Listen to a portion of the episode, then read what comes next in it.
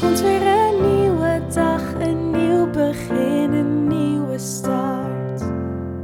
Je wordt vanzelf verrast. Dus lach niet, heb het leven lief. Ook al heb je zorgen, pak het met beide handen vast. Dit is de Alles is Liefde podcast.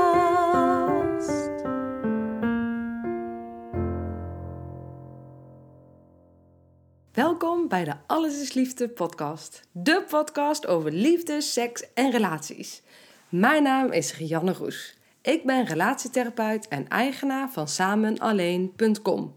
In deze podcast ga ik in gesprek met grootheden op het gebied van liefde, seks en relaties.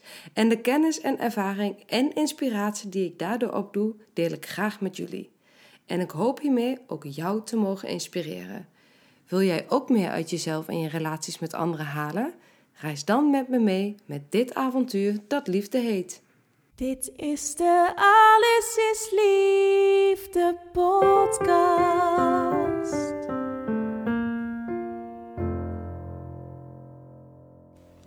Hoi en welkom bij weer een nieuwe aflevering van de Alles is Liefde podcast. Vandaag ehm, een interview wat ik een tijdje geleden heb opgenomen met een professor in de seksuologie, Ellen Laan. Ik, uh, ik mailde haar, via LinkedIn connecte ik haar om uh, te vragen of ik haar mag interviewen over het seksueel genot bij vrouwen. Ik weet dat het een van haar belangrijkste thema's is waar ze uh, zich hard van maakt. En ik was daardoor geraakt en getriggerd, omdat um, ik denk dat het klopt dat de vrouwen niet per se minder zin hebben in seks, maar over het algemeen genomen wel minder plezier hebben in seks dan mannen. En dan hebben we het over de heteroseksuele relaties. Nou, het stokpaardje van Ella Laan en een grote interesse van mij, dus uh, reden genoeg om met elkaar aan tafel te gaan. Dankjewel Elle dat, uh, dat ik jou vandaag mag interviewen. En we gaan het hebben over heel veel onderwerpen. We gaan het hebben over anticonceptie, over seksueel genot, over hoe het allemaal zit met het uh, vrouwelijk geslachtsdeel, met de vulva, de vagina, de clitoris. We gaan er uitgebreid op in met z'n tweeën. Heel erg fijn dat ik hier thuis bij jou uh, mag komen, dankjewel. En zoals altijd begin ik met mijn allereerste beginvraag. Waar denk jij aan als ik zeg liefde? Ah, dan denk ik uh, vertrouwen. Dan denk ik uh, passie. Uh, dan denk ik seks. en dan denk ik mm, kwetsbaar durven zijn. Um, ja, dat zijn toch al wel vier ja. mooie associaties. Zeker. Ja. Mooi, dankjewel. Vandaag mag ik jou interviewen over seksueel genot bij vrouwen. En waar ik dan benieuwd naar ben, is waarom is het zo dat, en is het zo, dat vrouwen minder plezier hebben tijdens de seks dan mannen? In het algemeen kan je zeggen dat heteroseksuele vrouwen minder plezier hebben dan heteroseksuele mannen. Mm -hmm. uh, want als je de, heteroseksuele vrouwen met lesbische vrouwen vergelijkt, dan hebben lesbische vrouwen meer plezier. Mm -hmm. um, Um, ja, je vraag is hoe dat komt. Ja. Um, um, nou, we weten in ieder geval dat het zo is, want dat zijn hele robuuste cijfers, dat heteroseksuele vrouwen veel minder klaarkomen, veel minder vaak klaarkomen dan de mannen met wie ze vrijen. Ja. En ik denk dat dat heel kort de bocht komt door de manier waarop we seks definiëren. -hmm. Seks, hè, de seks zeg jij ook, hè? Ja. De seks, de meeste mensen verstaan onder de, de seks, penis in vagina. Ja, de penetratie. De ja. penetratie, ja. En uh, nou, er zijn, is eigenlijk een hele goede anatomische en reproductieve reden waarom die vorm van seksuele activiteit eigenlijk voor vrouwen het minst plezierig is. Tenminste, als je onvoldoende opgewonden bent, mm -hmm. dus ook je inwendige clitoris nog niet helemaal gezwollen is, omdat de vagina zelf redelijk ongevoelig is. En dat is ook heel netjes uitgezocht, dat dat zo is. Um, en daar is dus een hele goede reproductieve reden voor. Want het is ons badingskanaal. Ja, daar moet een kind doorheen. Ja, daar moet een kind doorheen. Stel je voor dat, dat de vagina-wand net zo gevoelig was als de, nou, de glans of het eikeltje, de buitenkant van de clitoris. Mm -hmm. Nou ja, misschien waren we dan al soortenlang uh, uitgestorven Ja. geweest. Omdat Ja. vrouwen eh, weigeren ooit nog seks te hebben na een baring. Ja, precies. Daar eh, komt niemand meer in de buurt. Ja, en, en toch is het zo dat mensen denken, ik doe dat ook wel eens voor grote groepen als opwarmertje, om mensen eigenlijk meteen op het verkeerde been te zetten, zodat ze denken, hé, hey, hier valt wat eh, interessants eh, te horen. Dat hoop ik dan natuurlijk. Ja, hè. ja. Als ik zeg eh, tegen mensen van, hé, hey, ehm, even een lesje genitale anatomie. Dit weten jullie allemaal. Mannen hebben een penis en vrouwen hebben een, en dan hoor ik altijd vagina. Vagina, ja, dat zijn zou ik ook, dat zou mijn eerste reactie iedereen geweest toch? Ik zijn. hoor ja. soms nog wel eens baarmoeder, maar die, die zijn dan een beetje de weg kwijt, denk ik. Ja. Maar ik hoor meestal vagina. Maar ik hoor eigenlijk, nou ja, de laatste tijd hoor ik ook wel eens clitoris. Dus het Mhm. begint door te dingen. Want hè, eh, het embryonale equivalent van de penis is de clitoris. De penis Ja. en de clitoris komen voort uit dezelfde structuur. En als je de anatomie goed kent, dan zou je jezelf nog kunnen aanvragen. Dat hebben ook een aantal mensen zich wel afgevraagd. Van dat het toch ontzettend onhandig is dat het, de glans van de clitoris, hè, dat buiten, Ja. het buitenste knopje, toch nog relatief ver verwijderd zit van de ingang van de vagina. Ja, Hè, want als, daar is ook echt serieus onderzoek naar gedaan. Eh, De vrouwen die, waarbij de afstand tussen de vagina-ingang en de buitenkant van de clitoris het kleinst is, die zijn het beste in staat om via coitus, via eh, penetratie, eh, een orgasme te hebben. Ehm, maar anatomisch, ja, dus er zit wel wat variatie in. ja, Eh, maar dat, dat was ook niet, ja, dat was een factor. Het is niet de allerbelangrijkste factor. Je kunt ook met een grote afstand klaarkomen tijdens de gemeenschap. Als je weet hoe de anatomie in elkaar zit, dan weet je ook dat dat knopje verbonden is aan een heel grote inwendige structuur. En dan is het eigenlijk wel verdomd handig dat hij niet zo dicht bij de vagina zit. ja, Zodat je na een baring nog steeds kan klaarkomen. ja.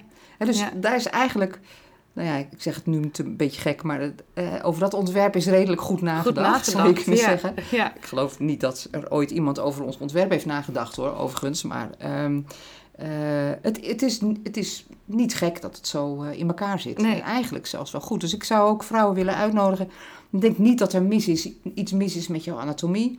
Als het voor jou lastiger klaarkomen is dan voor je mannelijke partner.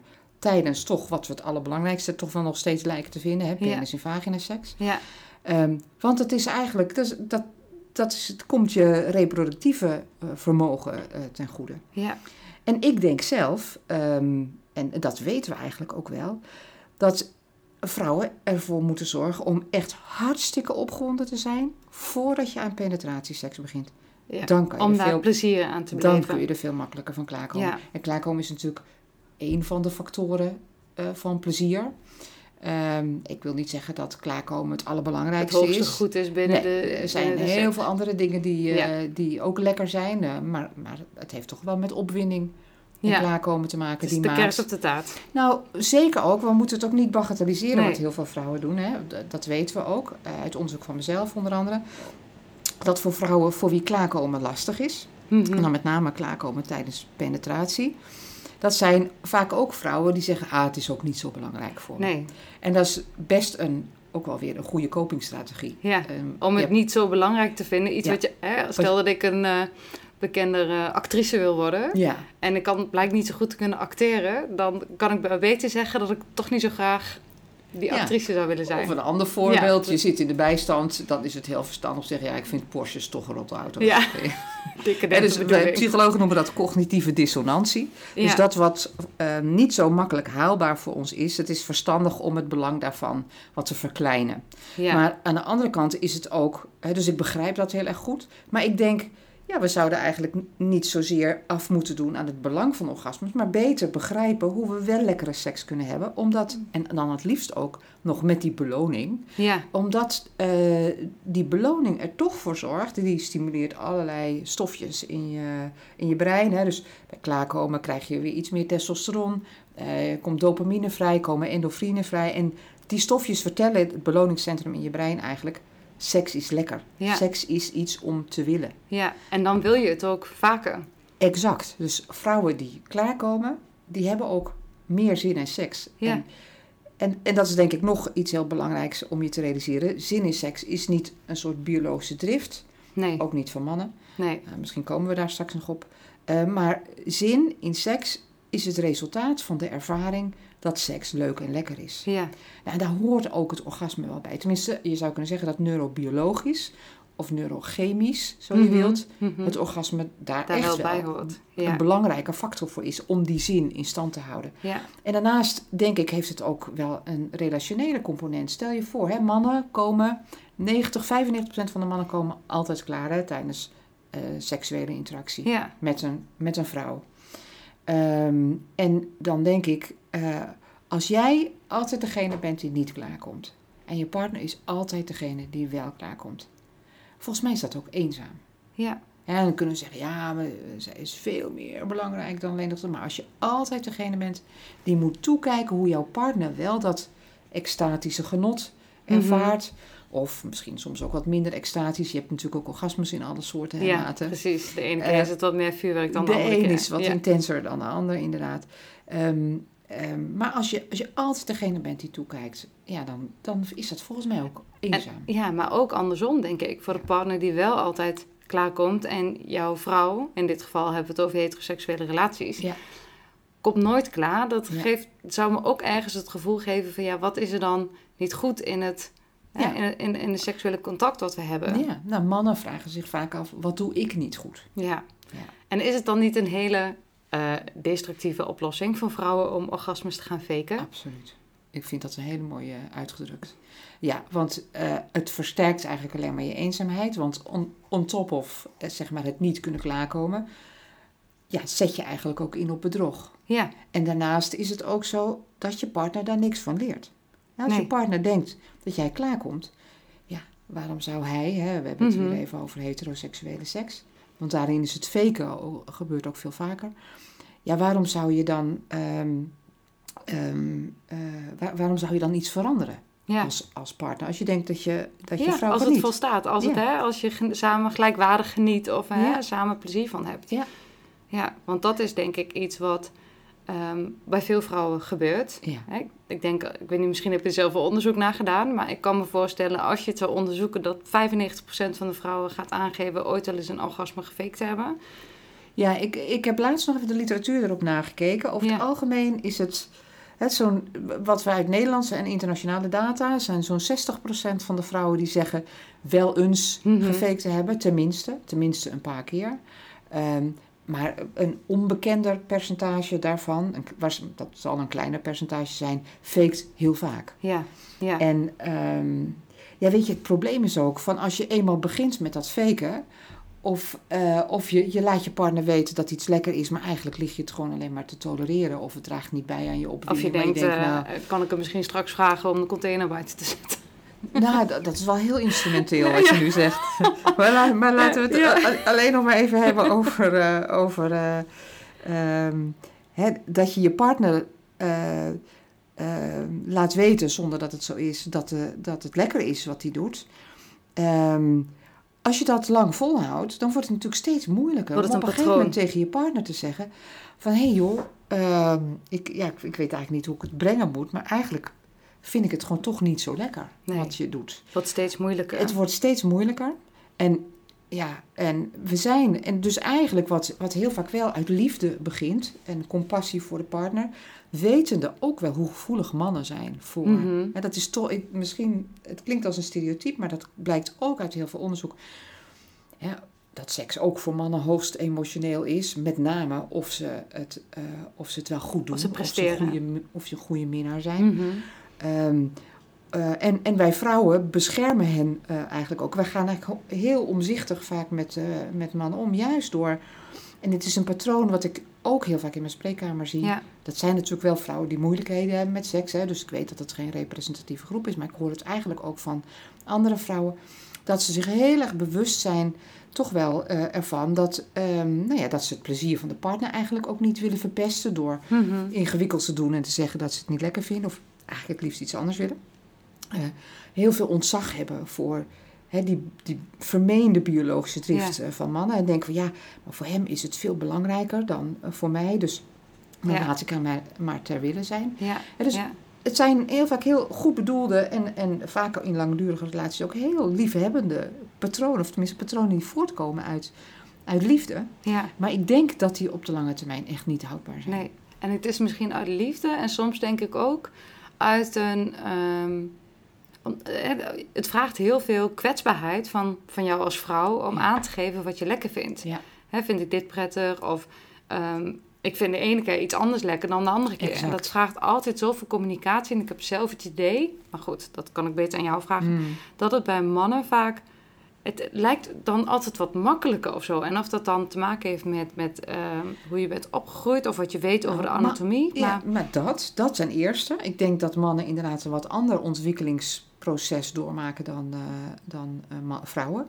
Het, eh, het genitaal van jongens zit aan de buitenkant. Tegen Ja. de tijd dat ze staand kunnen plassen, hebben ze eigenlijk al ontdekt dat, die, dat dat piemeltje af en toe stijf is Ja. en af en toe slap. En dat Ja. hij anders voelt wanneer hij stijf is dan wanneer hij slap is. ja, Dus eigenlijk hoeven we jongens niet eens zoveel uit te leggen over hun anatomie. Nou, bij vrouwen en meiden is dat wel anders. Dan moet je, ze moet, je moet hen echt uitleggen dat, eh, dat de clitoris veel groter is dan alleen dat knopje aan de buitenkant. En Ja. dat als die van binnen gezwollen is, je ook via vaginale stimulatie een orgasme zou kunnen krijgen. Immers, dat is ook een heel ro- robuust cijfer. Zo'n 30% van de vrouwen komt wel gemakkelijk klaar tijdens gemeenschap. ja. dus maar dan het nog is het een clitoraal orgasme. Dat, ja, Ja. heel goed. Dan Ja. nog noem je het geen vaginaal orgasme, want een vagina komt niet klaar. Nee. Eh, eigenlijk komt een clitoris ook niet klaar hoor. Een brein zou je kunnen zeggen Ja. komt klaar, want we voelen alles met ons brein. Maar het, eh, het orgaan dat waarschijnlijk van, van belang is bij klaarkomen is de clitoris en niet de vagina. Ja, Ehm, en de vagina is eigenlijk, zeiden we al, een vrij gevoel, redelijk gevoelloze spier. ja, Ehm, dus die ontwikkeling van jongens en meiden is zeer waarschijnlijk anders. Zodanig dat jongens tegen de tijd dat ze met meiden willen vrijen eigenlijk al heel goed weten wat ze lekker vinden. Hè, er komt uit allerlei getallen, cijfers eh, ook wel dat eh, jongens, meer jongens masturberen dan meiden. En de jongens die masturberen, masturberen vaker dan de meiden die masturberen. Dus het is niet alleen fre- frequentie van de mannen en de vrouwen die masturberen, maar ook de frequentie waarmee ze dat dan Ja, doen als ze masturberen. precies. Ja, Eh, en dat kan onder andere ook wel met toch nog wel een, een groter taboe op vrouwelijke lust en masturbatie. Want dat proble- problematiseren we toch vaker dan dat we masturbatie bij jongens eh, problematiseren. Hè, want omdat we bijna toch eigenlijk denken, ja, die, eh, boys will be boys. Hè, jongens, die zijn nou, dat zijn nou eenmaal seksuele wezens. En we hebben toch nog, denk ik, een forse erfenis van, eh, nou, van Freud bijvoorbeeld. Mhm. Die, eh, die vrouwen toch als minder seksuele wezens zag. Maar er is nog een derde factor. Hè. Dus we hebben het ontwikkeling. En dat is Mhm. verschillende anatomie en verschillende en eh, andere culturele normen voor eh, jongens en meiden. Maar ook nog een andere factor. En dat is nogmaals weer opnieuw hoe we seks definiëren. ja, Ik vind het nogal, als ik een penis had, dan zou ik het ook denk ik het allerlekkerste vinden om vaginale penetratie Ja. te doen. Want wat heb je? Je hebt eh, warmte, vocht, frictie, druk. ja, Nou, dat, dat wil wel. Ja. Dat blijkt ook uit de cijfers. Dat dat wel wil. Ehm, en nog steeds hoor ik heel veel vrouwen zeggen... van ja, ik zou wel kunnen klaarkomen als ik tegelijkertijd de buitenkant van mijn clitoris stimuleer. Mhm. Maar ja, dat, sommige vrouwen vinden dat letterlijk behelpen. ja, Terwijl dat gewoon juist zo goed is en zo past bij onze anatomie. ja, dus met andere woorden, de manier waarop heteroseksuele mensen seks hebben, past eigenlijk veel beter bij de mannelijke genitale anatomie dan het past bij de vrouwelijke genitale anatomie. Ja. Dus dan moeten we stoppen, denk ik, om daar waardeoordelen aan eh, te, te. Ik denk dat we dat, ja, dat moet ons zo met de paplepel worden ingegoten. Mhm. Dat we het dus normaal vinden dat je elke keer weer exploreert. Want je zei zojuist ook iets heel erg belangrijks. Niet alleen zo is het. Dus er- ja, nou laat ik eerst zeggen. Niet alleen is het zo dat vrouwen andere lijven hebben dan mannen. ja, En dat het een kwestie is van die exploreren. En, ehm, eh, maar het is ook nog eens zo dat als je eenmaal één keer eh, een, een vrouwenlijf hebt geëxploreerd en je doet dat over een paar dagen weer, dan wil ze misschien iets heel Ja. anders. En dat is voor mannen ook vaak zo. Die hebben Mhm. ook niet altijd in hetzelfde zin. Ook al hebben ze natuurlijk dat ene succesnummer. Ja. Dat is nou eenmaal zo belonend dat ik me ook kan is voorstellen eh, dat je bijna dat altijd goed. ja, dat is gewoon bijna altijd goed. Hoewel, weet je, eh, orale seks ontvangen bij mannen is, staat vaak ex-equo op nummer 1. Ja, Ook daar zijn wel wat cijfers over, over wat de handelingen die mannen lekker vinden. Ehm, maar dat is, ja, dat is ook bijna vergelijkbaar. Hè? Dat is eigenlijk Mhm. ook eh, vochtig, warm, druk, pressie. Als je dat doet met je hand vooral. ja, En veel vrouwen denken ook dat ze vooral de druk eh, moeten geven met hun mond. Nou ja, daar krijg je stijve spieren van. Ja. En, eh, Het is me niet. vermoeiend, Ja, dus precies. doe het vooral als je het doet. Eh, dan is dat vocht vooral eh, en de warmte. Eh, en wat je met je mond doet is vooral voor, de, voor het vocht en de, en de warmte. En de, en de druk moet je vooral met je hand doen. Ja, Eh, Ja. ook, hartst, eh, ook hartstikke lekker. Dus, en dus ook een goede techniek hebben die je zelf plezierig vindt, is heel erg belangrijk. Want anders wordt het allemaal zo ongelooflijk een opdracht. ja, ja. Doen omdat het eh, ergens gelezen is of omdat het zo hoort of dat... Ja, nou ja. Ja. En om, om, of omdat je denkt dat het moet, eh, omdat het past bij een, bepaalde, een bepaald script eh, Ja. waarvan we hebben afgesproken Zo dat, doen dat, dat dat seks is. ja. Ja. En dan ben ik even kwijt. Want je zei hè, van, ehm, dat het per situatie, per keer dat je seks hebt met elkaar, het verschilt waar je behoefte ligt. dit wilde ik daar nog over zeggen. Ik zal Mhm. even een pauze laten vallen. Daarnaast is het ook zo dat het eigenlijk gek is om eh, te denken aan jezelf of je partner in termen van een goede minnaar zijn. Als in bepaalde technieken kennen. Ehm, want eh, ja, nou ja, ehm, eh, zelfs dezelfde vrouw wil meestal niet twee keer achter elkaar precies hetzelfde. Eh, en dat geldt volgens mij ook voor mannen. Maar elke vrouw is weer anders. Ja. Ehm, dus ehm, ik heb één keer een patiënt gehad die was door allerlei trieste omstandigheden eh, eigenlijk heel laat met, eh, met seks. Dus toen ik haar kreeg had ze, was ze eigenlijk nog nooit seksueel actief met een partner geweest. En ze was inmiddels al, liep ze tegen de 50 en ze dacht... Ja, goh, dat zou, zou toch heel, ze zou het heel schaamtevol vinden als haar partner, want zo was iemand, eh, had ze op het oog, op wie ze Mhm. toch eigenlijk ook voor het eerst verliefd was. Dus dat was eigenlijk allemaal goed nieuws. En ze dacht, wat als hij er nou achter komt dat ik het nog nooit met iemand heb gedaan? Ja, ik zou zeggen, vertel het hem. Ja, Maar goed, voor haar was dat, eh, was dat erg. Dus ik had daar nog een alternatief aan de hand gedaan. Is dat eh, om, door haar te vertellen dat elke vrouw anders is. Dus eigenlijk is het voor elke partner. Moet je weer helemaal opnieuw beginnen. Ja. Alsof je niks weet. ja alsof je helemaal... Hè, en Want dan- elk ja. lijf moet weer, en eigenlijk het liefst elke keer, ja. met nieuwsgierigheid ontdekt worden. Nou, precies, dat elke keer. Want ik vind het ook zo afhankelijk van de context. Hè? Of dat je, ehm, ik denk ook dat behoeften en verlangens gedurende de jaren veranderen. Hè? Dat je, eh, wat je misschien vijf jaar geleden prettig vond, dat vind je misschien nu eh, minder lekker. Of Zeker. hè, nadat je Want je bevallen leert bent. bij. Ja, nou, Ja. je leert bij, dat. Ja, na bevalling, eh, medicatie, ouder worden. En naarmate we ouder worden, hebben mannen en vrouwen toch sterkere stimulatie nodig voor hetzelfde effect als toen we Ja. 16 waren. Of misschien meer lef, hè, om te zeggen, nou, nu durf ik wel te zeggen wat ik prettig vind. Of, ja. Ja. dat, Maar ik zal het je nog sterker vertellen. Elke seksuele interactie vergt weer opnieuw die reis. Je kunt nooit zeggen: Oké, de vorige keer was het hartstikke lekker, dus laten we vanaf dat moment beginnen. Nee. En, dan, eh, en toch lijken veel mensen zich wel zo te gedragen alsof, nou, als je het eenmaal trucje kent, Ja. dat je daarna bijvoorbeeld ook niet meer hoeft op te warmen. Dat je niet meer opgewonden hoeft te worden. Dat je meteen paraat bent. over, ja, dat je meteen over kan eh, stappen op coitus. En ehm, dat is op zich ook wel interessant. En ik zou zeggen, eh, ik hoop dat mannen hier ook naar luisteren. En zich gerust laten stellen door wat ik nu ga zeggen. Want heel veel jongens en mannen hebben het idee dat ze eigenlijk al een stijver moeten hebben voordat ze zich, ja, voordat ze een seksueel initiatief kunnen nemen. Ehm, dus dat ze eigenlijk dat hele proces van opgewonden worden. Want een stijver is natuurlijk het resultaat van, van opwinding. Ja, Maar dat ze dat hele opwindingsproces eigenlijk in hun hoofd moeten doen. Dat ze dat in hun eentje moeten doen. Terwijl ik zou zeggen, nou presenteer je ook of neem ook initiatief met een slappe. ja, Want eh, van vrije krijg je Precies, een erectie zin en in. zin. Precies.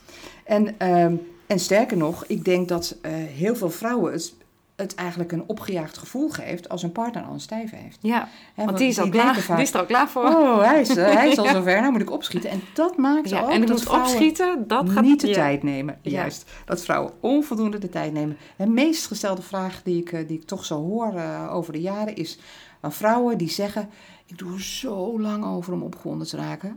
En, en daarnaast zeggen ze eigenlijk ook altijd: En dat is zo sneu voor mijn partner. Ja, Hè, alsof snelheid een issue is. Daar, je hoort dat ook vaak als mythe eh, op internet. Heel vaak. Hè, Mhm.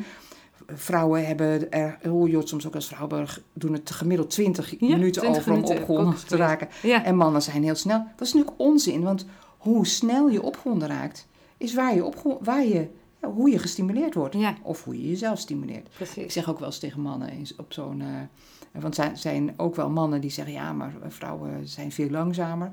Ehm, nou ja, dat dan zeg ik wel eens grappend, van, nou, als wij een wedstrijdje masturberen zouden doen, dan weet ik nog zo net niet of Wie ik er wint. Ja, Ja, precies. ja. Maar dat is ook het, ook het kennen van je eigen lijf. En de, de, dat is zo'n verschil met of je in bed ligt met iemand. Ja. Hè? Dat, dat- of je nou penetreert of niet. Eh, Ja. Uiteindelijk, als je met jezelf bent, heb je niet die ehm, afstemming met, Ja. met die ander. Ja, dus heb je veel minder afleiding in je hoofd van...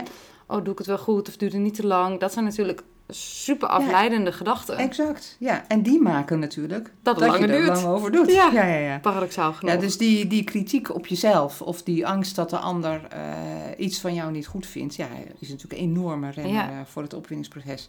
maar daarnaast het... denk ik ook dat er heerst ook een enorm taboe op, ehm, nou ja, op eh, wat ik ook zojuist zei, dat een vrouw, dat vrouw wel eens behelpen noemen. Hè? Dus dat, dat je meehelpt ook om jezelf te stimuleren. Het is ook zo jammer dat er een taboe op, op wederzijds masturberen bijvoorbeeld ook is. Hè? Ja. Of, of ehm, hè, want er is toch dat idee dat penis in vagina het meest intieme is. Nou, ik denk, als je pijn hebt bij de gemeenschap en 10% van de vrouwen hebben dat, hè, dus Veel, hè? dat het Ja. helemaal niet zo intiem is, penis in vagina, dat is echt iets waarvan, je hoopt dat het snel voorbij is. Ja, en wat er, ergens ook wat erg voor die man, die denkt dat, eh, hè, even in de veronderstelling dat dat dus niet voldoende wordt uitgesproken, dat Ja. de man in de veronderstelling is dat ze heel erg in verbinding zijn met, eh, Ja. in dat moment, in dat seksuele contact. Terwijl de misschien andere de wat vrouw, je doet ligt te tolereren. Ja. ja. Dat lijkt me verschrikkelijk. Ja, exact. Ja, dus dat is eigenlijk ook een mythe. Hè? Dat, hè, het, het, klinkt wel heel mooi, weet je wel. Je bent als het ware echt lichamelijk verstrengeld... in de zin van dat het een orgaan van de een in het lichaam van de ander zit. Maar hoe dat psychologisch of relationeel voelt... eh, dat hoeft helemaal niks met intimiteit te maken Nee. te hebben. En ik denk soms wel eens... hoe intiem is het eigenlijk om te masturberen... en je partner toe te laten nou, kijken? dat is pas... eh, Volgens mij is dat Ja. pas intiem. Ja. Hè? Iemand laten kijken naar je gezicht als je klaarkomt. Ja, ja. Hoe intiem is dat? En dan gaat het echt ook over je plek innemen. Jezelf durven positioneren en te zeggen, ik, ik ben dit waard. Of hè, het, opeisen van. Het Ja. is niet zo, tenminste in mijn ervaring is het niet zo dat mannen het niet willen. Of Nee. het de vrouwen niet gunnen. Maar het is meer dat de vrouwen het de plek niet durven nemen. Veel vrouwen vinden het heel ingewikkeld als ze vrijen met een man. Want het is ook toch echt minder een probleem van lesbische vrouwen. Ja, Ehm, je zou ook kunnen zeggen dat vrouwen misschien iets te gevoelig zijn. Toch ook weer voor de gevoeligheid van de mannelijke partners. Want ik Ja. denk niet dat het alleen maar eenrichtingsverkeer is. Je versterkt elkaar daar ja ook. eh, vaak in. Maar ik denk inderdaad dat het zo is. Dat, ehm, en nou ben ik de draad kwijt. Wat zei je nou? Oh ja, nee, ja, ik weet het Mhm. weer. Ja. Ja, ik denk dat je dat heel goed zegt, een, eh, een plek innemen. Ik noem het inderdaad ook steeds meer dat je in staat moet zijn om ruimte in te nemen voor je eigen opwinningsproces. Daar hadden we het zojuist over. Ja, Dat, eh, dat je elke keer eigenlijk weer opnieuw eh, open moet staan voor prikkels die de ander je toedient of die, je die je aan jezelf geeft. Of je nou met een partner bent of alleen. Ehm, dat is eigenlijk iets wat elke keer weer opnieuw. ehm, ja, die, die reis zou je, zou je Ja. kunnen zeggen, die moet je elke keer weer opnieuw, Opnieuw aanvangen. Dat geldt natuurlijk ook voor mannen. ja, dat- Alleen bij mannen hebben we vaak nog het idee, en, en jonge mannen hebben ook nog vaak het idee, dat hun erecties spontaan eh, Mhm. eh, komen. Dat je daar eigenlijk niks voor nodig hebt. Maar eh, ook, dat geldt trouwens ook voor jonge vrouwen, hoor. die kunnen ook heel snel opgewonden zijn. Uh, dus in die zin is er eigenlijk geen eh, biologisch verschil tussen Nee. jongens en meiden. We, we worden allemaal geboren met een gevoelige brein en gevoelige genitalia. Ook ehm, meiden hebben rond de puberteit een forse toename in testosteron. We denken altijd maar dat alleen mannen testosteron hebben. Dus wij hebben ook, worden ook nog gevoeliger voor seksuele prikkels in de puberteit dan we eigenlijk al zijn. Want ook voor de puberteit kunnen jongens en meisjes al klaarkomen. ja, Weliswaar jongens zonder zaadlozing, maar wel met een orgasmegevoel. dat gevoel. Ja, Ja, wel met ja, dat gevoel. ja. En meisjes ook. ja, Eh, dus eh, dat, ik zei net dat jongens en meisjes, in die, eh, als ze tegen de tijd dat ze volwassen zijn en met iemand anders willen vrijen, vaak wel verschillende leerervaringen hebben. Dat komt eigenlijk toch omdat jongens nou, makkelijker dat genitaal ontdekken. En dat we ook met wat minder ingewikkeldheden aankijken tegen, tegen masturbatie van Ja. jongens. Ehm, en dus het, het is wel degelijk zo dat als je kijkt naar volwassen mannen en vrouwen, dan, zouden er, eh, dan zijn er wel verschillen. ja. Als we praten over verschillen in zin, dan is het vaker de vrouwelijke partner die minder zin heeft dan de mannelijke partner. Maar ik denk dat dat echt samenhangt met het feit dat hoe we seks definiëren over het, en hoe we het doen meestal, Ja, over het algemeen ja. lekkerder is voor mannen. Precies, en wat je zegt hè, over het klaarkomen, het maakt, dat is toch die ja, fysieke beloning, Ja. mentaal denk ik ook. Het ja, geeft fysiek ook, hè, en emotioneel en, men- ja, en, en mentaal, denk ik. dat je dan de volgende keer ook snel denkt, oh dat gevoel, daar heb ik wel weer zin in. En ik zeg niet dat orgasme het doel moet zijn van de Nee. seks, maar het is natuurlijk wel een, eh, een prikkeling die je voelt, waarvan je denkt, ja, dit is prettig, dit is van ons samen. Ja, ja. En als je... Maar weet je wat ook interessant is? Sorry dat ik je onderbreek, Nee, maar het, het is ook heel vaak dat ik te horen krijg als het gaat om orgasmes van vrouwen. Van goh, leg je nou niet te veel druk op. Hè? We vinden het heel vanzelfsprekend dat jongens en mannen wel klaarkomen. Ja. Dus daar zeggen we eigenlijk nooit van, hè, hechten we daar eigenlijk te veel belang aan. Dus dat Nee. vind ik eigenlijk ook een heel eigenaardig eh, Ja. verschil. Ja. ja, en ik zit dan te denken, hè, want je zegt het is, het, het is natuurlijk tweeledig. Alsof het dan, hè, wij vrouwen uit zorg voor de man zijn we geneigd om ze hè, wat Om gerust ruimte te stellen. nemen, ja, ja. precies. Ja. Hè, van, nou, minder ruimte in te nemen, Ja. je gerust te stellen wat je doet is goed. Omdat de man misschien meer met het idee leeft van ik moet presteren. En dat, hè, wat Ik Esther moet haar iets geven. Precies. En dat de schaamte, dat is voor de man, hè, dat is wat Esther Perel ook noemt, dat de schaamte voor de man een grote, ja, eigenlijk ook eh, drempel is, maar tegelijkertijd ook een drijfveer van Ja. ik moet iets eh, laten zien. Ja. En in die dynamiek, als ik hem zo stel, denk ik, ja, dan snap ik dat je eh, verwokkeld raakt in elkaar. Ja. Hè, dat het helemaal niet is dat de man het niet zou willen of dat de vrouw niet die plek wil innemen, Mhm. maar dat je door aan te nemen dat, ehm, ja, dat, die, dat die man anders hè, zijn eigen.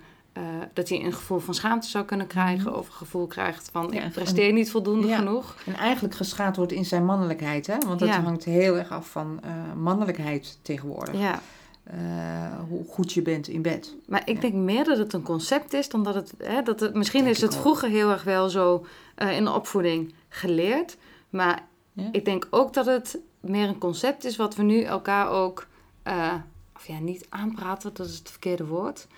Maar ik merk in de relaties van, hè, mijn huidige relatie met mijn man, maar ook, ik zie het ook bij vriendinnen.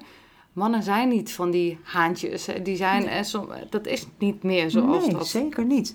Nee, en ook als je kijkt naar het nieuwste seksonderzoek, dan eh, wordt er gelukkig ook eh, eh, niet meer van uitgegaan dat mannen altijd zin hebben, want dat is de Ja, mythe. Precies. Eh, en gedreven door testosteron, of testosteronbommen zijn.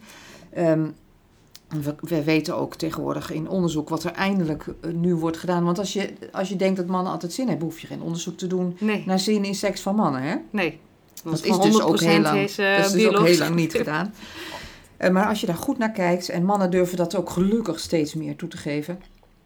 Dat, Ja. eh, dat ze ook niet altijd zin hebben. Dat ze ook wel eens seks hebben tegen hun zin om een partner te plezieren. Ja, Ehm, en, en mannen die zich melden bij een seksuoloog met problemen met zin. Het neemt ook echt fors toe. ja, Eh, en op zich is dat denk ik ook niet, zo'n, eh, niet zo verwonderlijk. Omdat ik denk dat mannen inderdaad voor een deel ook wel onder dat idee lijden dat ze altijd moeten. En tegelijk als zin moeten hebben. Want Ja. het is toch ook wel een idee wat, wat overal nog wel zichtbaar is in films ja. en, in, Ja. en op Ja. social media. En, eh, en eh, de manier waarop mannen over seks praten. Onderling eh, versterkt dat idee ook. Hè. Je moet een vrij eh rukzichtloze jager zijn, dan ben je een echte vent. Ehm, en ehm, ik denk dat mannen, de, heel veel mannen zich daar ook echt ongemakkelijk bij voelen. En, Ja. Dus ik, ik kan me voorstellen dat ehm, dat en de toenemende eh, druk die we voortdurend voelen eh, in het maatschappelijk eh, leven. Ik weet ook niet zo goed hoe dat komt, maar, maar we krijgen het allemaal steeds drukker. Ja. Ik merk dat aan mezelf ook. Ik heb het veel drukker dan weer dan tien jaar geleden. En veel drukker dan twintig jaar geleden. Het lijkt wel een soort... Het, zo moeilijk om je aan die gekte van, die, van dat druk zijn te onttrekken. Eh, dat, dat is ook gewoon een enorm belangrijke factor in het minder zin hebben. Natuurlijk ook voor, eh, voor mannen. voor mannen. En mannen als- zijn, eh, soms zeg ik grappend, mannen zijn net mensen. Ja, ja precies. Nou, het is... Ja. Als je zelf moe bent of je zit niet lekker in je vel... Of, Ja. hè, er zijn natuurlijk heel veel contexten... waarbinnen je, waarbinnen je echt niet naar die plek kan gaan... waar Ja. je seks wil hebben met iemand.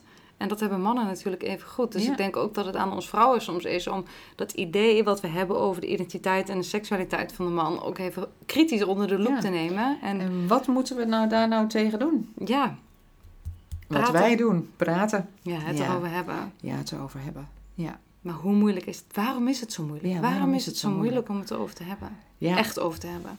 Omdat ik denk dat seksualiteit iets is wat zich eigenlijk in principe altijd in het, het verborgene afspeelt. Dus je weet, eh, wij mensen willen gewoon, wij zijn, wij zijn eh, dieren die graag in een nest zijn. Mhm. zeg maar. Wij zijn sociale dieren, wij mensen. Dus het is voor ons belangrijk om ergens bij te horen. En dat is natuurlijk het sterkste in de puberteit. eh, maar ik denk ook daarnaast, wij, wij, wij zijn ook wezens die vooral heel erg goed kunnen samenwerken en ook afhankelijk zijn voor samen, van samenwerking voor de overleving eh, eh, en vooral van ons mensen als, ehm, eh, als overleving van de soort. Ja, kwam even niet zo goed uit deze zin. Ehm, en ehm, eh, dat geldt eigenlijk ook voor seksualiteit. Dat we het idee willen hebben dat we het goed doen. Dat, dat wat we willen en wat we doen, dat dat geen reden is om afgewezen te worden. Een afwijzing is, denk ik, voor ons allemaal het allermoeilijkste. Een emotionele afwijzing of een afwijzing van iemand die belangrijk voor je is. Ja, dat zijn van die kwetsuren die je niet aan de buitenkant zien. Maar, kan zien, Ja. maar dat zijn wel kwetsuren die we allemaal met ons meedragen. ja. En als je dan zo kwetsbaar bent en het hebt over je seksualiteit, Ja. iets wat, wat zo van jou is. Ja, en waarvan eigenlijk ook. Ja, we, we, we denken wel dat er soort van normen zijn eh, in, in porno of de manier waarop Ja. we erover praten. Maar omdat ze natuurlijk zelf als individuen weten dat, dat er vaak een enorme discrepantie is tussen dat beeld en wat we zelf willen. ja. Dat maakt je ook, denk ik, extra onzeker in zo'n één op één situatie is het toch voor de meeste mensen. Ja. Eh, waarin je eh, je dus niet alleen figuurlijk bloot moet geven, maar ook nog eens letterlijk. letterlijk. Ja. Eh, en ehm, nou, dat, dat is denk ik ook iets wat vrouwen, maar ook wel mannen tegenwoordig, voor, voor vrouwen, maar ook voor mannen denk ik tegenwoordig ook weer steeds ingewikkelder wordt, is dat er zo ontzettend veel nadruk leggen op uiterlijk. Ja. En dat doen we, dat doen we ook nog niet zo vreselijk lang. Eh, ik denk dat dat 50 jaar geleden echt veel minder belangrijk was dan het nu is. En eh, het lijkt daarom bijna ook wel alsof eh, vrouwen een steeds ambivalentere relatie met seks krijgen. In de zin van dat ze het donders goed weten dat ze niet alleen ja, seksueel zijn, noem ik Mhm. dat, eh, zelf seksuele gevoelens hebben. Maar dat ze ook eigenlijk voor de partner sexy moeten zijn. Voor mannen gaat dat ook steeds meer spelen. Steeds grotere rol gaat ook uiterlijk voor mannen spelen. En als je als het ware met die, ja, ik zou maar zeggen, die toeschouwersblik, dus met, met het idee Mhm. van oké, hoe zie ik eruit? bij wijze van. Ja, eh, hoe Ja. zie ik eruit? Wat vindt hij of zij van mij? Dan, dan benader je die seksuele, potentiële seksuele situatie al met een toeschouwersblik. Ja. En dan kan je, we kunnen niet zoveel eh, tegelijk processen. Dus als we bezig zijn met wat vindt hij Mhm. van mij, dan kunnen we niet goed voelen. Wat we in ons lichaam terwijl, ja, en ervaren. terwijl voor vrije en voor opgewonden worden, moet je vooral heel goed je eigen lijf kunnen voelen. Ja. En dat is eigenlijk ook eh, ehm, anders dan het romantische ideaal, eh, wat heel veel mensen hebben. Als je echt van elkaar houdt, dan weet je vanzelf wel wat de ander wil. Nou, Ja. dat is echt nou of dan kom je tegelijk klaar. Ja, ook dat. maar, maar dat je vanzelf wel aanvoelt wat de ander wil, dat is zo mogelijk de allergrootste mythe. Ja. Dat is gewoon niet zo. Je Dus moet het er steeds over je hebben. moet het er maar steeds om over het er echt elke over te- keer eigenlijk. Hè? Ja, maar om het er echt over te hebben, Ja. ik ken weinig. Eh, als ik naar mezelf kijk, als ik het naar, eh, hè, op vriendinnen betrek, maar ook op mijn werk. Ik ken weinig koppels die het echt hebben over wat verlang je nou, of wat vind je nou echt lekker. En, En Op waar word je ge- geil van? Ja, en op een gegeven moment denk je, ja, het is te ingewikkeld, want het is, hè, het luistert te nauw, het is Ja. te contextgebonden. Op een gegeven moment word je zo'n halve, eh, is het alsof je een halve handleiding aan het voorlezen bent. En denk je, ja, het is allemaal te veel ja. gedoe. Ja, daarom moet je Ja. dat gesprek, je moet natuurlijk ook wel tijdens communiceren. Want ik had het zojuist over goed minnaar zijn. Nou, dat Mhm. ligt niet in bepaalde handelingen kennen, maar vooral contact houden. Ja, Maar ja, dan moet je dus ook op kunnen vertrouwen dat de ander ook met jou in, met jou in contact is. Hè? En niet doet alsof. nee, Hè, daar hadden we het zojuist ook over. dat als over je dat spreken. eh, ja. ja, Dus ehm, het, eh, het, het, is, het vergt moed om, ehm, om te praten over wat je wil op dat moment. Dat kun je trouwens ook non-verbaal allemaal aangeven, als je maar iets aangeeft. Eh, en ja, zeg maar de, de grootste gemene deler, denk ik, die moet je vooral voor en na de seks eh Ja. ehm, in een bespreken. Want niet-seksuele context. Ja, want bespreken. anders dan praat je en je kan het natuurlijk ook doodpraten Ja, eh, Ja. op het moment. Dus dan, ja, wat zijn we nou aan het doen? Want dan zijn we nou aan het seksen? cognitief- Of, Ja, precies, of zijn we we nou een aan een... eh, ja. Maar wat een ingewikkeldheid. Dat, ja, best, eh, best ingewikkeld. hè, want je Ja. voelt soms ook dat er van allerlei hè, wat seksuele potentie in je zit. Ja. Ook als vrouw, als man. En ja, ergens heb je ook het idee, het moet er allemaal uit kunnen komen. Ja. En tegelijkertijd heb je gewoon ook te maken met twee mensen die ook maar gewoon mens zijn, wat je net al noemt. Ja. Ehm, Ik denk dat daar toch ook nog wel voor vrouwen een, een, een ander uniek aspect bij zit. Wat ik denk dat bij mannen eh, er, er niet is. mhm. En dat is als je eh, heel openlijk en vrijgevochten eh, vertelt wat je lekker wil, eh, vindt Mhm. in het algemeen. of deze ene specifieke keer. Dat daar toch nog gek naar wordt gekeken. Zeker in heteroseksuele seks. Wat, wat meiden heel erg vaak tegenkomen, is dat ze, nou ja, om een modern woord te gebruiken, dat ze geslutshamed worden. ja. Als ze laten merken dat, seks, dat zij seks Ja. lekker vinden. ja. Dus dat is ook weer dat stereotype dat voor vrouwen bescheiden zijn. Dat voor hen seks vooral iets relationeels is. Hè, dat het voor hen niet gaat om de lust, maar om de liefde. Eh, dus als vrouwen zeggen wat ze willen, dat hoor ik ook echt vriendinnen zeggen. eh, dat hoor ik jonge vrouwen zeggen. Ik praat heel veel met jonge vrouwen. Ja. ja. En ik hoor het natuurlijk ook wel mijn patiënten zeggen. Ook al weet ik eh, dat dat geen representatieve groep is. Hoewel ik vaak helemaal niet zoveel verschil hoor van mijn, de jonge vrouwen in mijn spreekkamer en de jonge vrouwen daarbuiten. ja, precies. Eh, en dat is dat als ze open zijn over wat ze willen, of als ze bijvoorbeeld al een condoom op het nachtkastje hebben liggen. Nou, dat dat toch eigenlijk bijna een turn-off is voor, eh, voor jongens. Dat Ja? ze dat toch eigenlijk eh, toch wel heel erg eh, bij de hand vinden. maar hoe... Natuurlijk, Wat- niet iedereen, nee, ik snap maar- het, maar ik zit hem te zo te bedenken, want ik doe met name relatietherapieën. Ja. En daar komt seksualiteit natuurlijk vaak aan bod. Ja, dan ben je een Ehm, uitzondering hè, dat oh. je dat doet. Ja, de meeste relatietherapeuten, veel relatietherapeuten hebben het niet over seks. Oké, Ja. nee, ik ben wel. Ik heb inderdaad de specialisatie systeem en seks gedaan Ja. over Snarch. Dus Ja, daar, oh eh, ja. ja. dus Ja. daar eh, bij Ella Abtroot, ik weet niet eh, Ja. of je haar kent. Ja. En ehm, wat ging ik daarover zeggen? Ehm, oh ja, dat, dat ik daarin juist weer merk dat in de heteroseksuele relaties, dat juist dat mannen weer aangeven dat ze juist zouden willen dat de vrouw weer wat meer initiatief neemt. Ja. Dus hoe, Ja, maar dat is iets anders, hè?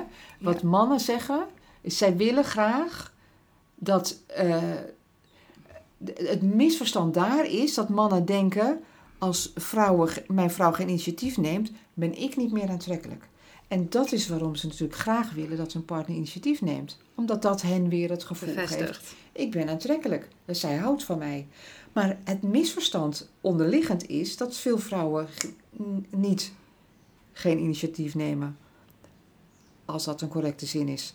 Eh, eh, dat dat betekent dat ze niet van hun partner houden of hem Mhm. eventueel niet meer aantrekkelijk vinden. Dat heeft toch te maken met het feit dat van niet praten eh, of, eh, over wat je lekker vindt en, en gewoon minder vaak klaarkomen. Hè? Dus Ja, als je, de- daar is, zie, je weer dat ontstaan, hè, dat niet biologisch, maar door ontwikkeling en door hoe we heteroseksuele seks inrichten, eindresultaat, dat, dat vrouwen minder vaak zin hebben dan mannen, omdat ze minder belonende seks ja, hebben. ja. Ja. En, en ik denk ook, eh, want ik eh, zie dit natuurlijk ook heel vaak in mijn spreekkamer, ik zie natuurlijk heel veel, ja eigenlijk zie ik bijna nooit individuen, maar de meeste seksuele problemen openbaren zich toch in een relatie. Het komt maar heel weinig voor dat mensen zeggen, veel, ik heb, eh, ik heb er zo'n probleem mee dat ik geen zin heb om te masturberen. Nee. Om even wat te Nee, noemen. De meeste zinproblemen ja, zijn relationele Ja. problemen. Ja, Ehm, en eh, nou, dan, wa- waar we dan echt op inzetten, is om de seks leuker te maken. ja, En eh, ook dat idee dat ehm, eh, initiatief nemen, eh, ook voor vrouwen, niet per se hoeft te betekenen dat je er dan al zin in moet hebben als je initiatief neemt. nee. En daarom zou je ook eigenlijk heel prima, dat is ook zo tegengesteld aan ons romantische idee van dat het spontaan moet. Mhm. Ik, Want ja. wat is nou eigenlijk de kans dat je partner spontaan op het exact hetzelfde moment zin hebt als jij? Wat de meeste mensen bedoelen met ik wil dat het spontaan, of dat zij, Ja. jij spontaan ja, eh, seks heeft met mij, is bedoeld eh, dat hij eigenlijk eh, bedoelt, ik wil eigenlijk dat zij zin heeft op het moment dat ik zin heb. Ja. Hè, hoe spontaan is dat? ja, ja. Ehm, maar dat, dat zin in seks iets is wat ontstaat als je met seks bezig bent. Dus je zou best afspraakjes kunnen maken. precies. Hè, als, Maar ja, daar geloof op ik het moment echt. dat de kinderen in bed liggen of... eh, op, eh, naar de VPRO zitten te kijken op zondagochtend, ik zeg maar Ja. wat. Of dat je niet wil slapen omdat je zo'n ongelooflijk drukke dag hebt gehad. Ja, Hè, dus plan seks. ja. En geplande seks. God voorstander van. Ja. ja. Ik ook. Ja. Geplande seks is helemaal niks mis mee. Nee, maar want je kan er ook naar, hè, je kan er naartoe leven. Het voorspel wordt langer omdat je, ja, je kan even, nou ja, wat iedereen zelf wil, maar dan hè, bewijs van douchen of je komt ook dat naar. doen we ook als we verliefd zijn. En het is zo interessant dat we verliefdheid als een soort natuurlijke, spontane toestand zien. ja, dat we, die we eigenlijk het liefst ons hele leven zouden willen volhouden. Ja, Ja. ik vind verliefdheid ook fantastisch hoor. Ja. Eh, eh, en, en dat, is- dat, ja, maar dat wekt alleen maar de illusie dat we het spontaan doen. Want als je verliefd bent, dan plan je ook je seks. Hè? Je, gaat, eh, je, je, je dof je op. je laat dus beste kant van jezelf zien.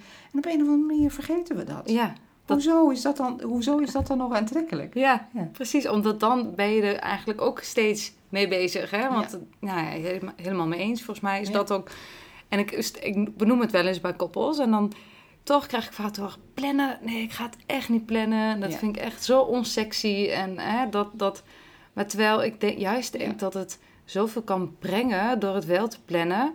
Omdat je dan eh, inderdaad er naartoe kan leven. Ik kan, ja, soms zeg ik ook tegen mezelf, nou nu eh, ehm, eh, eh, ga ik bepaalde dingen beter communiceren. Je kan ook de- je dingen voornemen, laat maar zeggen. Ja, dat klinkt een beetje flauw, maar Ja. soms heb je ook die zelfinstructie nodig om Tuurlijk. niet in dat de is oude gewoon patronen te relationeel vallen. werk, denk ik. Ja, Ja. ja, als je geen benzine in je auto stopt, dan gaat, staat hij ook echt op een gegeven moment stil. En ik geloof ook heel erg in die zelfreflectie. Ik geloof niet zozeer in dat de man dit voor ons kan veranderen. Ik denk wel dat ze er een aandeel in hebben, maar ik denk dat wij vrouwen daarin ook gewoon wat denkwerk te doen hebben. Want ik zag bijvoorbeeld laatst op Instagram een post van Kek Mama voorbij komen. En ik heb hem opgeschreven, want ik was echt zo benieuwd wat jij ervan vond. Ik vond er namelijk van alles van. En er stond, de man zegt, schatje, zullen we vanavond eens wat nieuws proberen in de slaapkamer? De vrouw antwoordt, ja, dat jij, een keer uitga- er, dat jij er vannacht een keer uitgaat voor de kinderen. Deal? En dat staat er dan onder. En dan denk ik, hoe kan je eh, het partnerschap, de seksualiteit in het partnerschap, nou weer betrekken op het ouderschap? Ik vond dit echt een beetje zo'n dooddoener. Ik, ik was helemaal... Dat denk ik Nee. ook. Hè. Als je dat zegt, dan is eh, seks bijna een soort interactioneel eh, ruilmiddel. Daarom zei ik ook die er- container. Ja, en dan is er heel wat, dan is al heel wat eerder misgegaan. Als je, dan heb je ook niet goed, dan is er ook, niet- zijn de taken ook niet goed verdeeld. Eh, Nee. want ik denk wel dat als het gaat om een partnerschap, we ook dat op allerlei terreinen zouden moeten eh, doorvoeren. Ja, want dit gaat ineens over ouderschap. Ja. En ik denk, Kennelijk is ze ontevreden over de, de, de, de manier waarop eh, haar partner zijn ouderrol, want ik neem aan dat het een man is, ja, nee, zijn, precies. zijn ouderrol ja, invult. Ja, ja. Maar dat moet je volgens mij niet in de slaapkamer eh, bespreken. nee, en toen dacht Tenminste, ik, niet als je wil vrijen in de Nee, slaapkamer. wat bespreken. verwarring ook van de rollen. En ik denk, hè, daar zouden we een hele podcast kunnen opnemen over wat seksualiteit met je doet op het moment dat je ook hè, ouders bent geworden. Want ik, ik geloof echt dat het switchen in rollen bewuster moet gebeuren. Ja. En, eh, Dan dat- onderschat hormonen ook niet, hè? Dat Nee. als je lang borstvoeding geeft, eh, dat je, dat je, nou, vaak zijn vrouwen, nou toch zeker een half jaar, en zeker eh, zolang ze borstvoeding geven en vaak ook eh, daarna nog. Ehm, dat, dat is, geldt echt niet voor elke vrouw overigens, eh, ehm, maar voor heel veel vrouwen wel. Hè, dat je hormonaal naal seksueel eigenlijk op uitstaat. Ja, dus dat het heel moeilijk is om geprikkeld te worden. Dat, en dat is, heeft ook wel een bepaalde functie. Dat, ehm, eh, je bent ook, zolang je borstvoeding geeft, minder vruchtbaar. En dat is Mhm. eh, bij gebrek aan voorbehoedmiddelen voor, ja, tot voor 50 jaar geleden. eh, eigenlijk ook een manier om ervoor te zorgen dat je niet meteen weer zwanger was. Mhm. Want dat ver- vermindert natuurlijk ook de kans dat je, dat je, dat je kroost het overleeft als je ze te dicht op elkaar Ja. eh, krijgt. ja, Ja, dus, ehm, dus hormonaal eh, is er vaak ook van alles ehm, ehm, aan de gang. Zodat je gewoon veel moeilijker prikkelbaar bent. ja, ja. En, en nu je zegt hormonen, dat triggert mij een beetje in, Mhm. eh, in de voorbehoedsmiddelen. Mhm. Ik zag eh, ook laatst een post van jou, of een reactie op een artikel op LinkedIn. Ja, Waarin je ook schreef, ik weet niet meer de precieze woorden, dus je zult me daarin misschien een beetje eh, moeten corrigeren. dat het zo normaal is, wat als normaal wordt gezien, dat wij vrouwen zorgen voor de anticonceptie. Ja. De aanleiding was inderdaad eh, de rechtszaak die door het Clara Wiegman Instituut is aangespannen. Hè? Dat uh, anticonceptie eigenlijk weer gratis zou moeten zijn. Ja. Ik ben overigens ook mede-eiser in dat proces. Er zijn heel veel mensen die hebben eh, gezegd dat ze dat een goede zaak vinden. Dus ik vind dat ook een hele goede zaak. Ja, Maar aan de andere kant eh, riep dat bij mij toch ook de reactie weer op van hè, waarom focussen we zo op die, eh, seks, die voorbehoedmiddelen voor vrouwen? Want daar ging het om. Het ging om de pil, het ging om het Ja. spiraal. eh. terwijl we hele goedkope eh, eh, voorbehoedmiddelen eh, hebben, die ook trouwens nog eens beschermen tegen SOA's en HIV. Mhm. Wat al die andere voorbehoedmiddelen niet doen. Geen bijwerkingen hebben. Misschien alleen, want daar is wel wat literatuur over. Misschien alleen een ietsiepietsie verminderd plezier bij mannen. ja, Hè, maar misschien is hun orgasme dan een 8 in plaats van een 10. ja, ja, Hè? En terwijl hè, vrouwen worden door anticonceptiepilgebruik al van ongeveer 50% van hun testosteron beroofd. Is dat zo? Ja, 50 dat is echt zo. Dat is echt heel Door alleen de pil of ook andere Alleen de nu? pil. M- De meeste vrouwen houden dan nog wel voldoende testosteron over hoor. Hè, Dus ze blijven nog wel binnen de normale range van hun testosteron. Maar er is heel goed onderzocht dat 50% van de vrije fractie, dus de biologisch beschikbare, de werkzame testosteron, eh, eh, eh, dat is wat verminderd door anticonceptie, door pilgebruik. Ja, Ehm, en eh, het levert allerlei andere klachten op. Ja, en, daar, en dat vermindert ook het plezier van vrouwen. ja, maar het is en daar zo... hebben we het helemaal nooit Nee, over. nou dat, want het raakte me zo. Want in het voorbespreken zei ik het al even. Ik ben een beetje aan het onderzoeken met hoe werkt het nou hormonaal. Na de bevalling is er van alles veranderd. Maar ik merk ook ineens dat ik echt klachten krijg van de Nuva-ring. En Mhm. ehm, dat maakte ineens dat ik andere bes- beslissingen heb genomen in overleg met mijn man. En dat we dus weer overgestapt zijn naar het condoom. Maar dat is ook ergens weer een tab- taboe of zo. En nou ja, ik merk het dat... eh, condoom heeft een ontzettend slechte naam. Ja, Ja, alsof eh, ja, dat, je kan eh, het omdoen van een condoom kan je ook opnemen in je seksuele spel. En het enige wat je daarvoor moet doen, net als praten overigens, ja, is het doen. ja, Hoe vaker je het doet, hoe makkelijker het wordt.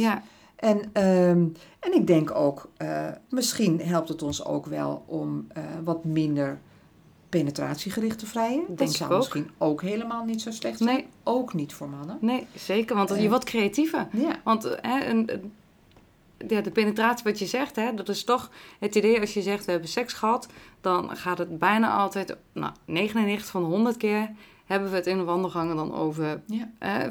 penis- en vagina-seks. Ja.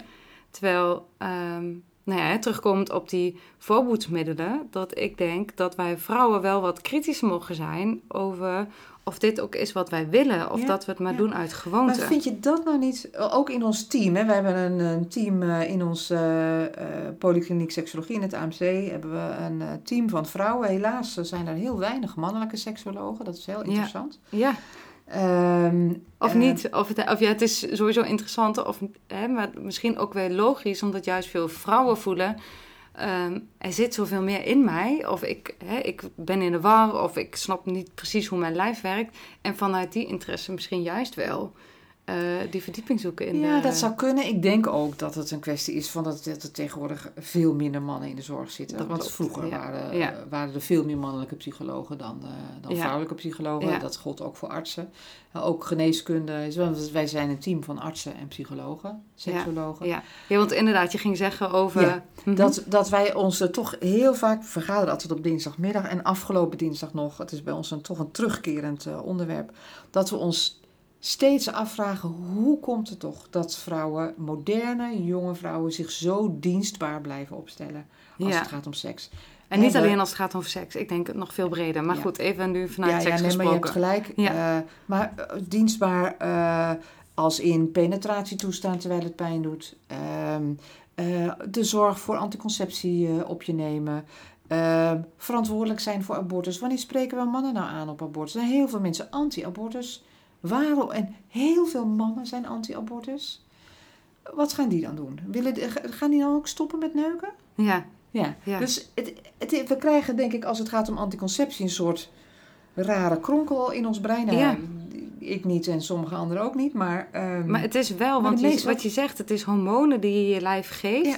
En weet je, ik heb vanaf mijn zestiende prima gefunctioneerd. Het is nu ik klachten door krijg dat het, hè, dat het ineens een topic is waardoor ik eh, Ja. er meer me mee bezighoud.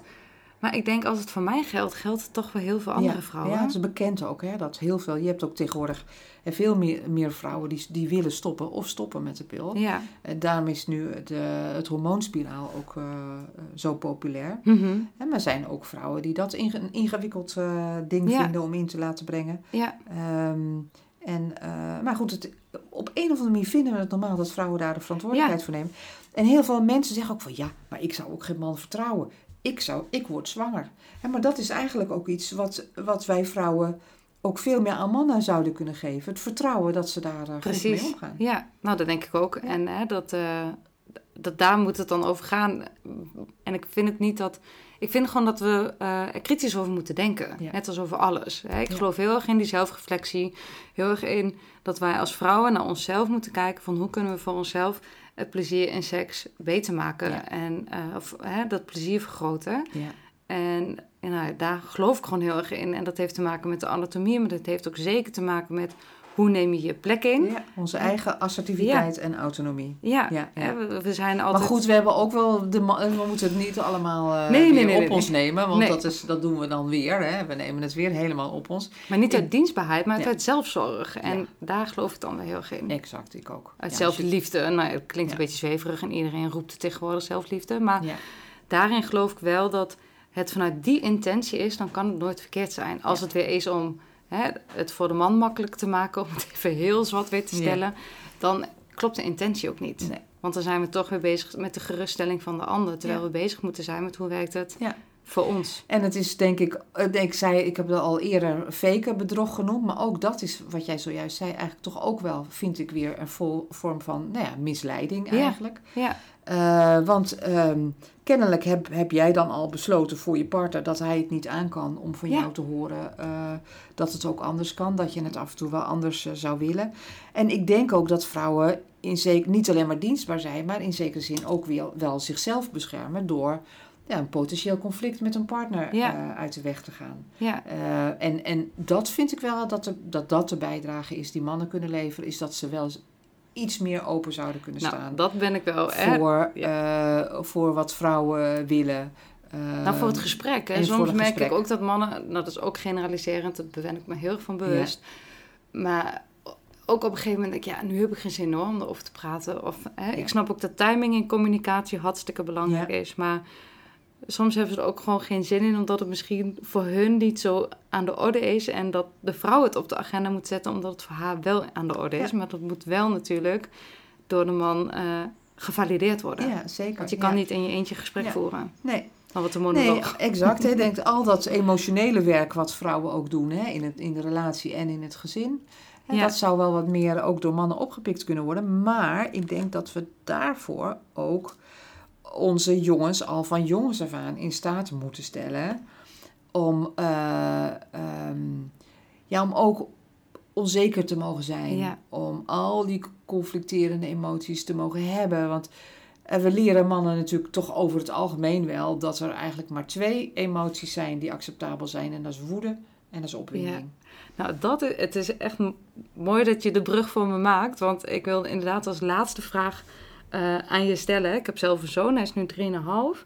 Wat, wat, kan ik, eh, wat kan ik hem leren over seksualiteit, over rolverdeling? Over... En ik snap, we hebben te maken met cultuur, we hebben te maken met maatschappelijke Mhm. beeldvorming, social media, waar ik allemaal niet... En er is heel Eh, veel informatie is ja. gendered waar je toch je kind niet aan kunt onttrekken. En ik merk het Ja. ook, hè, bijvoorbeeld mijn schoonmoeder, als ik dan, hè, dan komt hij met een autootje, mama kan je die maken? En dan zegt mijn schoonmoeder letterlijk, nee, dat kunnen, eh, kunnen, of dat kunnen meisjes niet, dat moet je maar aan papa vragen. Waar? Ja. En ik Ja. kom, hè, ik kom met de Dat achterhoek. is niet subtiel dit. Nee, nee, nee, dit is echt helemaal out of, eh, het is helemaal out in the open. Ja. Maar ik denk dan, ik wil daar ook graag altijd weer iets tegenover, hè, tegenover plaatsen. En dat hoeft ook niet, want dit is ook een perspectief. En dat mag er ook zijn. En vooral Mhm. uit, de, uit de tijd waar zij komt, denk ik, Mhm. ik snap hem. Mhm.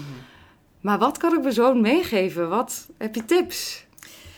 Eh, ja, ik, ik denk dat je gewoon in het dagelijks leven eh, eh, ook aandacht kunt besteden aan hoe dingen voor hem voelen.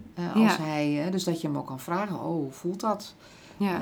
En dat je het van hem vanzelfsprekend maakt dat emoties dingen zijn waar je, en gevoelens dingen zijn waar je gewoon over kan praten. ja. En maar heel vaak is dat niet zo. Hè? Jongens die worden toch veel minder bevraagd dan meiden over wat ze voelen.